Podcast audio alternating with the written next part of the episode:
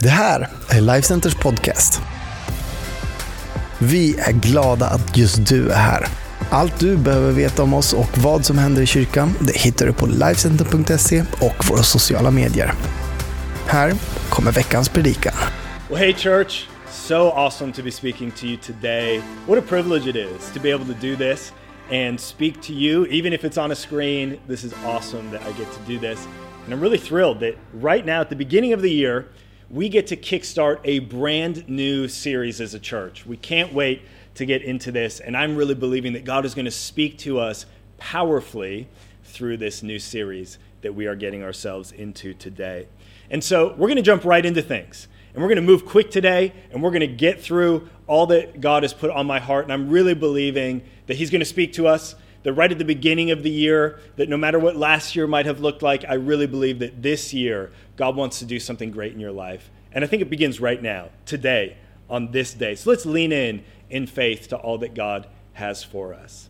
And so, why don't you turn with me in your Bibles to the book of Ephesians? That's right, this new series that we are starting today is taking place in the book of Ephesians. Our series is called New Living. And so we're going to start by reading from Ephesians 1, verse 1 to 2. And this is what it says It says, Paul, an apostle of Christ Jesus, by the will of God, to God's holy people in Ephesus, the faithful in Christ Jesus. Grace and peace to you from God our Father and the Lord Jesus Christ. If you're taking notes today, you can go ahead and you can write down the title for this message, which is new living. Go ahead and write that down.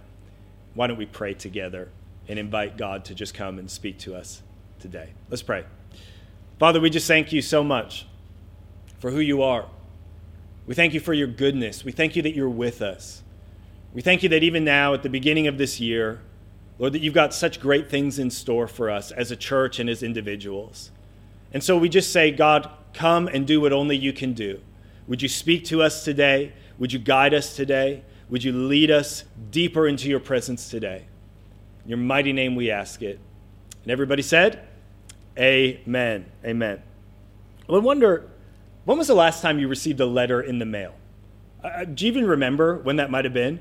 Uh, it's hard to remember. Like if you're thinking, when was the last time I received a letter in the mail? I'm not. I'm not talking about like a bill. I'm not talking about something from you know the uh, electricity company or anything like that. I'm talking about like a handwritten letter in the mail from a, a friend or a loved one, family member, whatever. When was the last time? Like 1997 maybe i don't know it's not something that we really do anymore it's strange to receive a letter in the mail but just a couple weeks ago i received a handwritten letter in the mail it actually came from my grandma. And I got this letter and I started reading it. And it was so interesting to see like her handwriting. I could tell it was from her. It was on this old paper. At first I was like, what is this thing? What is this this letter coming to me? This is like some ancient artifact or something. Uh, I have no idea. How do I decipher the code? I was about to contact the museum and like give it to them. I don't know. It was so strange to get it, but I got this letter. I was able to decipher it and I was able to read it. My grandma's handwriting was very difficult to understand. Victoria had no idea of what she was even writing at all. But I was like, oh, yeah, okay, a letter. This is what we used to send to people in order to communicate. And I unfolded it, and I got to say, it was much better than receiving an email. Uh, it was way more personal. And I started reading through the letter, and she was giving me updates and information and all kinds of things. And the information, quite honestly, that was in the letter was old news. You know, when she wrote it, it was the news of the day, but when I received it, this was old news. She was writing in the letter, Oh, Luke, your dad is sick, so he's dealing with that. Now, I knew that my dad had been sick like three or four weeks before. And all of a sudden, I'm reading the letter, like, Is my dad sick again? What's going on? Oh, no, this is old news, right? This is, by the time it got to me, old news. And I've got to be honest, the content of the letter from my grandma uh, it left something to be desired. It wasn't that great. I was like, Grandma, what in the world are you writing to me about here? What's the big deal? But the fact that she sent it to me, that it was her handwriting, that communicated way more than the information inside this letter that I received from my grandma, anyways. Today, we're also dealing with a letter. And over the next weeks, we're going to be dealing with a letter. This letter is actually, it wasn't written just a couple weeks ago. This letter was written almost 2,000 years ago. This is an ancient letter. written in the year 60 AD. But the content of this letter, this letter to the Ephesians that we're looking at, is not old news, and it's anything but bland, and it's anything but unimportant. The letter to the Ephesians has been called the crown and the climax of the Apostle Paul's writing. Pastors and theologians and commentators and readers have hailed Ephesians as the most comprehensive statement of the meaning of Christian religion. What we're dealing with here and what we're going to deal with over the next coming weeks is no small thing. The letter to the Ephesians is a job description for the church, and it answers the question for us of what does it mean to be a Christian and what does that demand of us? What does it mean to be a Christian, and what does that demand of us? And that's really uh, a question that we're going to be looking at and using as our starting point over the next coming weeks. What does it mean to be a Christian, anyways? And what, how does that change the way that we live our lives? And so, as we approach the book of Ephesians, the letter to the church in Ephesus, the letter to the Ephesians, let's approach it with consideration and with reverence and with a prayerful meditation that it can actually change our lives. I think it's not so much a question of what we will do with this letter, but it's a question of what it will do with us. This was a, a letter written to the church in Ephesus, but it was also written to, uh, it was also for all the churches around this area uh, called Asia, Asia Minor. It was a message for all the churches, and it still is a message for us as a church today. It's a message for the church everywhere and in every age. It's a message of unity, it's a message for the global church, uh, it's a, a message for a fragmented, divided, disjointed, and confused world. Ephesians is broken into two major parts, and it's held together in the middle by this beautiful prayer. And I love this. It's been said that the first part of the book of Ephesians is kind of a bird's eye view of the gospel. It's an overview as if we were looking at the gospel from like 10,000 meters in the sky. But the second part of this, go- this uh, letter to the Ephesians, it, it places us firmly on the earth. It's about day to day walking in the world. It's about our waking up, going to work, going to school, going to a restaurant, a cafe, driving our kids to sports practice, whatever it is that we might be doing, and how we actually do that as Christians. It's so practical.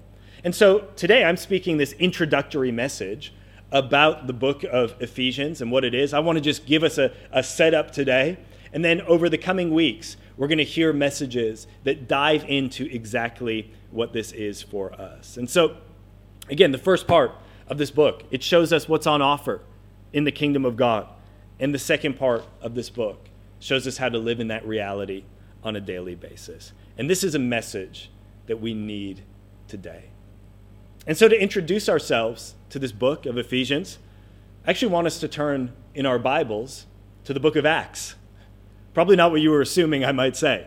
It's kind of weird. Oh, we're starting a, we're starting a series on Ephesians, but why don't you turn with me to the book of Acts? But let's do that. Let's turn in our Bibles to Acts chapter 19.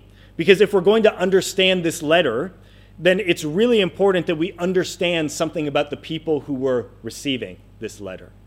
And so, in this introductory message, again, I want to give you an overview of the church that this was addressed to. And I want to show us this morning that the Ephesians were not so different from us today.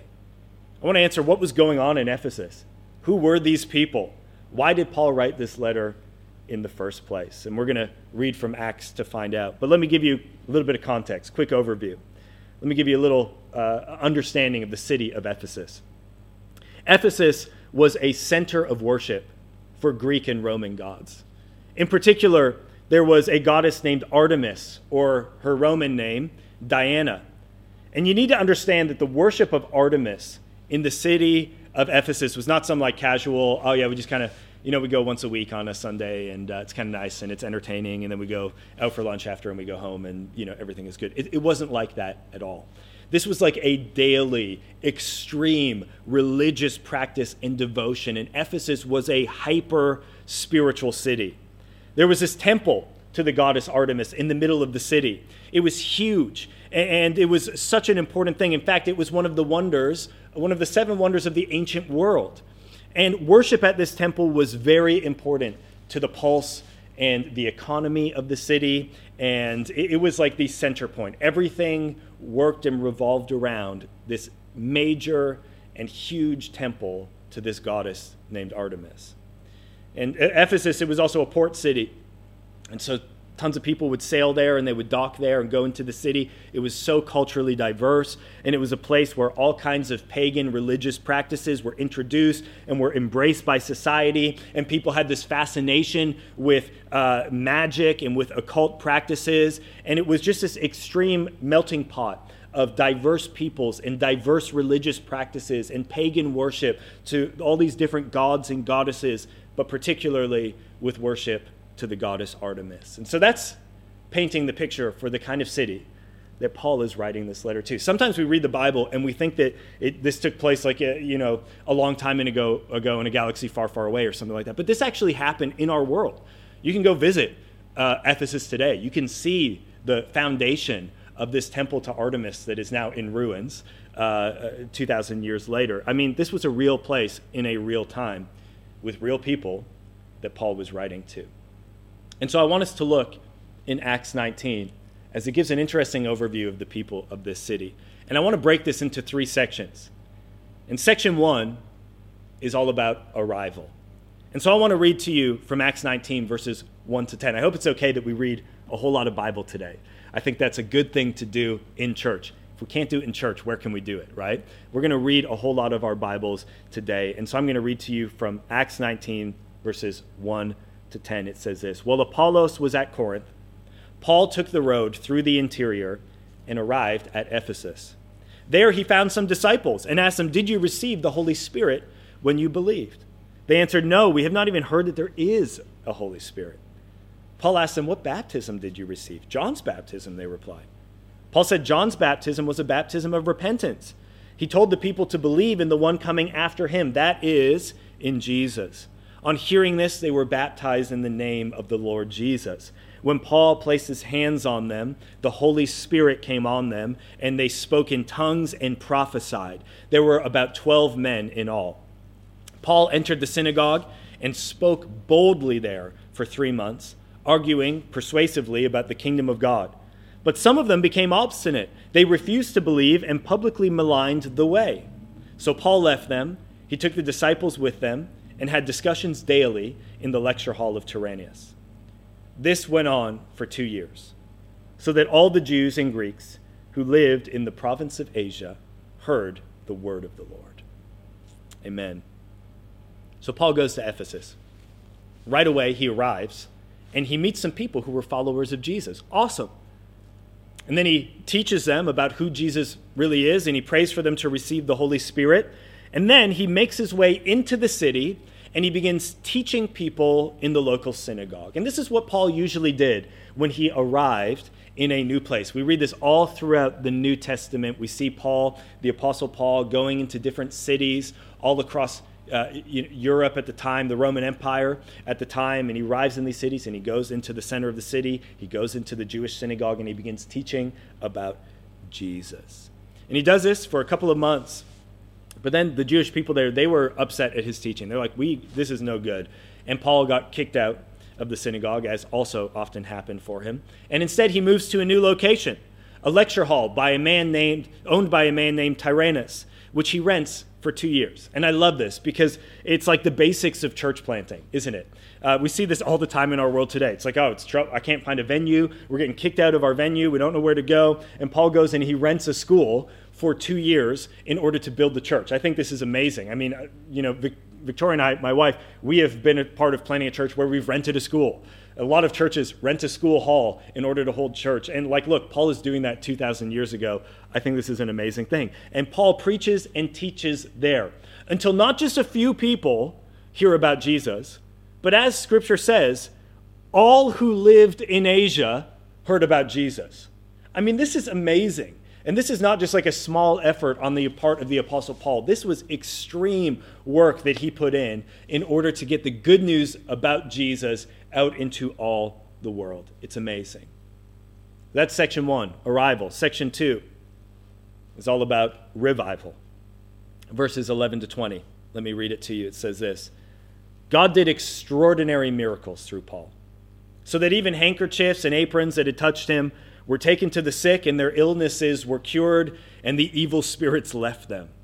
Some Jews who went around driving out evil spirits tried to invoke the name of the Lord Jesus over those who were demon possessed. They would say, In the name of Jesus, whom Paul preaches, I command you to come out. Seven sons of Sceva, a, a, Jewish chief priest, were doing this. One day the evil spirit answered them Jesus I know, and Paul I know about, but who are you? The man who had the evil spirit jumped on them and overpowered them all. He gave them such a beating that they ran out of the house naked and bleeding. so we see Paul's preaching. The Spirit of God begins moving. Revival is taking place. Miracles are happening. People are coming to faith in this amazing way. And a move of the Spirit begins all over the city of Ephesus. It's unbelievable what starts to take place. Remember, this is a hyper spiritual city that they're in the middle of, and they're dealing with all this crazy stuff that's taking place. Paul is preaching Jesus. Goes on in verse 17 when this became known to the Jews and Greeks living in Ephesus, they were all seized with fear, and the name of the Lord was held in high honor. Many of those who believed now came and openly confessed what they had done a number who had practiced sorcery uh, brought their scrolls and together burned them publicly. When they calculated the value of the scrolls, the total came to 50,000 drachmas. A drachma was about a day's worth of wages. This is incredible. The name of Jesus is being preached. People are responding. They're honoring God. They begin to worship Jesus. The Holy Spirit moved. People repented. They confessed their sins. They responded to the goodness of Jesus in their hearts, and it changed the way they lived their lives. People who otherwise were practicing sorcery and magic and p- pagan worship and uh, the occult, they came and they burned their magic books. They were literally burning their old way of life as if to say, We're done with that. We don't need that anymore. What that was, that is in our past. And instead, give us more of Jesus. Verse 20 says, In this way, the word of the Lord spread widely and grew in power. We see revival takes place. That's section two. Section three is called riot. Verse 23 says this About that time, there arose a great disturbance about the way. A silversmith named Demetrius, who made silver shrines of Artemis, brought in a lot of business for the craftsmen there. He called them together along with the workers in related trades. He said, You know, my friends, that we receive a good income from this business. And you see and hear how this fellow Paul has convinced and led astray large numbers of people here in Ephesus and in practically the whole province of Asia. He says that gods made by human hands are no gods at all. There is danger not only that our trade will lose its good name, but also that the temple of the great goddess Artemis will be discredited and the goddess herself who is worshipped throughout the province of Asia and the world, will be robbed of her divine majesty. What we see happen after this is this man, Demetrius, he sort of whips everybody up into a frenzy. And all of the people living in Ephesus, they start to riot. And this huge riot starts to take place. And they're grabbing people and they're saying come on let's go. Let's go. There's this major thing that's going on. And they all gather together uh, and they're all in confusion. Everybody is you know they don't exactly know what's happening. We see in verse 32 it says the whole assembly was in confusion. Some were shouting one thing some another. Most of the people didn't even know why they were there that sometimes is a word for today a lot of people they don't even know what, what we're angry about.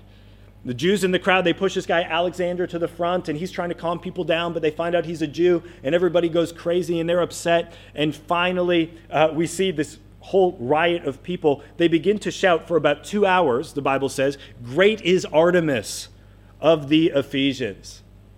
Finally, we see in verse 35 a city clerk, a city official, was able to quiet everybody down, and eventually they were dispersed and dismissed.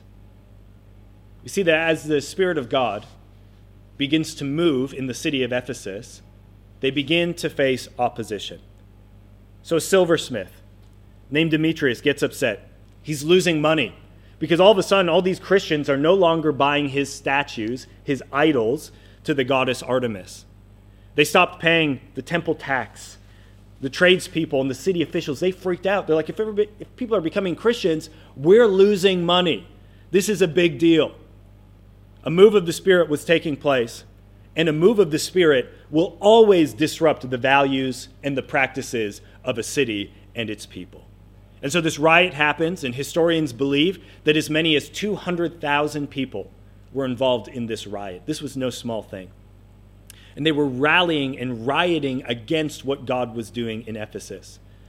Remember, Ephesus is a city that is marked by the worship of idols, it's marked by witchcraft, it's marked by perverted sexuality, and it has now become the birthplace of a revival. And as I look at this, this formula doesn't seem to make so much sense to me.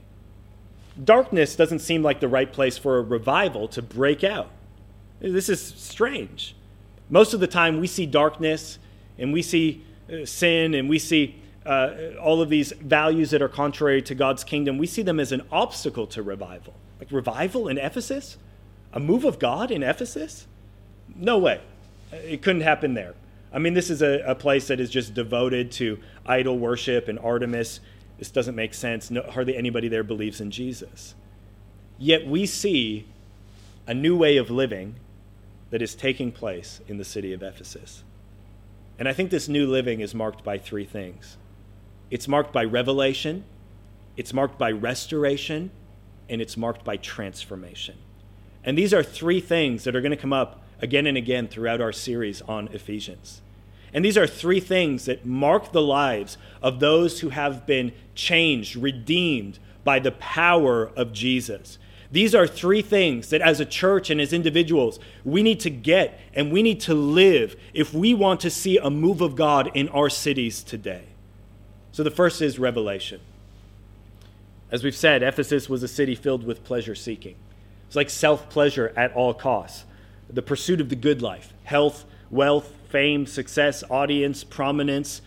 The God that was worshiped in Ephesus was the God of the self.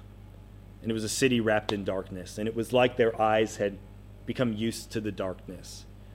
And then Paul came with the message of Jesus. And it was as if he turned on a light in this city. Paul comes and he speaks about the one true God who is above all these other false idols, who is greater than Artemis. And this message woke up the city, and the light of Jesus began to shine in the city. People's eyes were open, and the message of Christ brought revelation to the people. And when we get a revelation of Jesus and who he is, we're suddenly able to see things as they really are. We're, uh, all of a sudden, we move from an old way of living to a new way of living all of a sudden we're able to see and believe all that Jesus gives us, and it changes everything. When the gospel came, the Spirit began to move, the light was turned on, and suddenly people could see that all these idols that they were worshiping, that these gods were actually nothing. And that although there were false promises of freedom and true life from all these gods, that all that was happening is they were being enslaved to these things. They began to see all the fake promises that the, the, the promise of the good life offered to them. They began to see the emptiness of a life that is all about pleasure. When they had tasted and seen the true God, they realized that all their needs could never be fulfilled by silver idols. And so they burned them. They didn't look back, and they went after all that God had for them. These people had a revelation of who God was, and it moved them into restoration. The restoring power of God was on full display through Paul. When they, what they saw in Paul was real power. It wasn't Paul's power, it was the power of the Holy Spirit working through him. And the whole community of believers began to experience restoration in their lives. They no longer found their identity in their city or in their world. There's a shift that takes place. God's power had shifted reality for them. And this is what happens as we walk in our proper identity as restored people, we become agents of restoration to the world around us.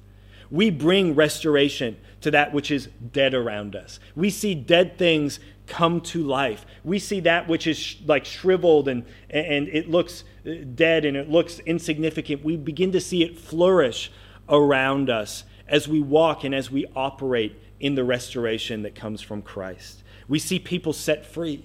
We see miracles take place. This is what happens when we lean into the authority that God has given us as people who have been restored by His goodness. As the people began to understand their place in God's kingdom, they began to take ground for God's kingdom in their city. And I think that it's time for us to realize today that the same power that raised Christ from the dead lives in us, and we can live in a greater reality and authority because with God, anything is possible. The people in Ephesus embraced restoration in their lives, and it overflowed into restoration for their community. Every other God and dark ambition is crushed under the foot of Jesus. There was a stirring of the Spirit. It started with revelation, it was fueled by restoration, and it ended up bringing transformation. When the call of the Holy Spirit and our obedience collide, we experience transformation. In Ephesus, this move of God came up against great resistance. We see that. It was worldly values up against godly values. It was the kingdom of the world versus the kingdom of God. And there was a powerful response from the enemy. This riot breaks out, an attempt by the city to stop this movement, but it only propelled it forward. In Ephesus, this movement of God took place. It, God's Spirit broke into a church in the middle of a wildly dark city, and as it grew, people saw the transforming power of God on display. And it ended with a church transformed. It ended with new living for the people there. It ended with a new identity for God's people there, a new story, a new narrative for the church and for the city. Not living according to an old way, but new living according to who God is. In Ephesus, we learn that darkness is no match for the light, and Jesus can do his best work, even when it seems least likely. So, what does this mean for us today? We read about this a couple thousand years ago. Does this have any meaning or bearing on our lives today in Västerås, in Ludvika, in Linköping in 2023? Does this have any meaning for us today? I think we learn as we read through Ephesians that our story is not so different from theirs. The reality is that today we also live in cities that worship idols, that worship lesser gods. I mean, just take a drive through the city. Uh, there's temples all over the place, all over the place in our cities. Temples to good food, temples to sex, temples to materialism. And listen, this isn't to say that like you know you go shopping at h&m and you're entering the temple of materialism and you're going to be struck down or something like that no that's not what i'm saying but if you're not careful, pretty quickly, it's easy to end up worshiping things as if they will give you what you're looking for in life. Is it wrong to go out have a nice dinner? No, go enjoy yourself. That's awesome. But if you think that by going and having a nice dinner and you know posting it on Instagram and being able to show everybody, look where I'm at. Oh, isn't this nice? Isn't this a fancy place? Isn't this good? Oh, I'm just gonna you know pursue pleasure and all that that gives me, and that's the main purpose of my life. Guess what? That's a pretty empty life and you're not going to find the happiness or the fulfillment or the purpose that you're looking for in that place. And pretty quickly, we can go to these places and they become temples where we worship pleasure, we worship ourselves. And it's a dangerous place to be. The reality is, uh, there's more to life than this. And honestly, I've read through this letter to the Ephesians, it, honestly, at least 20 times over the last month and a half as we've been pre- preparing for this series. And the words of this letter have been jumping off the page at me time and time again. They've been challenging me. They've been illuminating areas of my life where I'm more interested in myself than I am in God. This is a letter that was written to them, but it's also for us. We need to put ourselves in this story and listen to all that God is saying to us today. Listen, I believe that as a church, we are on a trajectory towards transformation. I believe that. And I am psyched for that. I am excited for that. I believe that across all our locations in Västerås, in Ludvika, in Linköping. We are on a trajectory to seeing our church and our cities transformed by the power of the name of Jesus Christ. But here's the thing it doesn't just happen for us. It's easy to sit here on a Sunday and say, Yeah, come on, let's be transformed by Jesus. This is awesome. Yes, we want more of Jesus. That sounds great. Then we go home and we forget about it completely. Then we leave this place and we think, okay, that was nice. Now uh, I just want to go and seek my own fulfillment in all of these other things. And we go trying to find it in every other place that we shouldn't be trying to find it in. Here's the reality transformation demands that we embrace the invitation and the practices of Jesus daily in our lives. It's not just like a once a week, I go to church every now and then kind of thing, and that's good. It's not just like, well, I go to church and, you know, the whole purpose is to go and be saved so I can go to heaven when I die. That's not the point of Christianity. That's not the purpose of this at all. There's a bigger calling that we're going to continue to understand as we dive into this book, this letter to the Ephesians. And so I think there are some things that we need to embrace to see these things take place. We got to embrace revelation. Again, we need to allow God's call to interrupt us where we're at. We need to allow God's call to enter our jobs, where we live, how we spend our money, and how we spend our time. We need to lay down all of that which isn't from Him or for Him. And we need to do this every single day. We need to move deeper into God's goodness. We need to say yes to Him in the big moments and in the small moments. We need to reject every idol in our lives. And this means that we spend our money differently. It means that we spend our time differently. I am convinced that time is the number one thing that we worship in our day to day. It's like you can't tell me what to do with my time. Every other thing, even my money, I'll do this, I'll do that, I'll contribute to this. But the moment you tell me to sacrifice my time, no, I can't do that because I am bowing down to my time. And if we're not careful, we make our time and our own autonomy the idol in our lives, that which we worship. We're drowning in our freedom. We actually need to get out of that, and we actually need to say, God, you take my time. I lay it at your feet. You do what you want to do with it. So we need to embrace revelation, but we also need to practice restoration. This is something that we choose to do. Practicing restoration by the way, might mean getting a little bit weird, which is something that comes natural to so many of you. So you're good to go.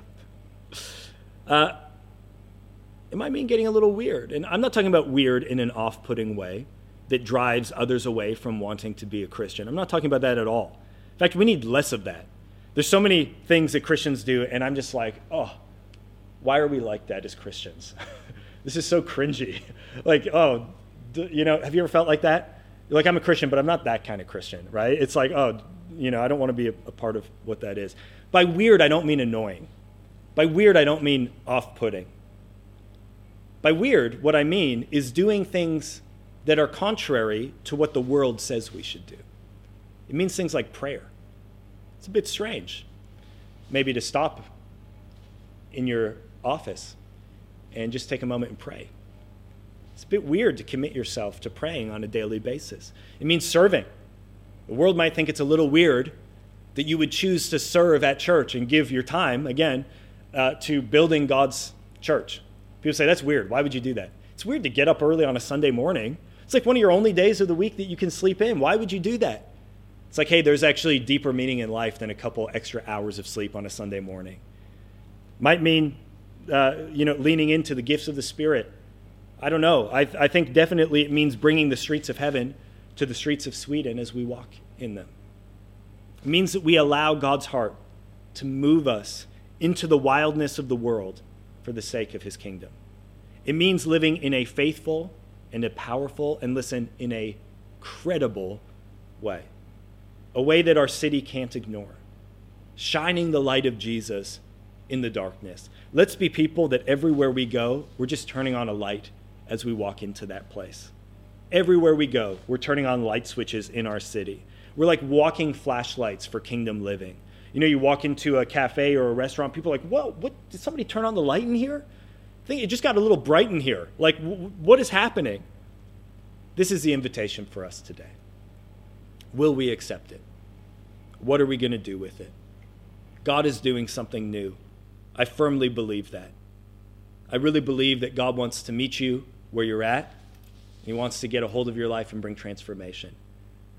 I got to be honest, over the last few weeks, I've just personally been seeing God do so many things in my own life as I've been committed to reading His Word, taking time every day to pray.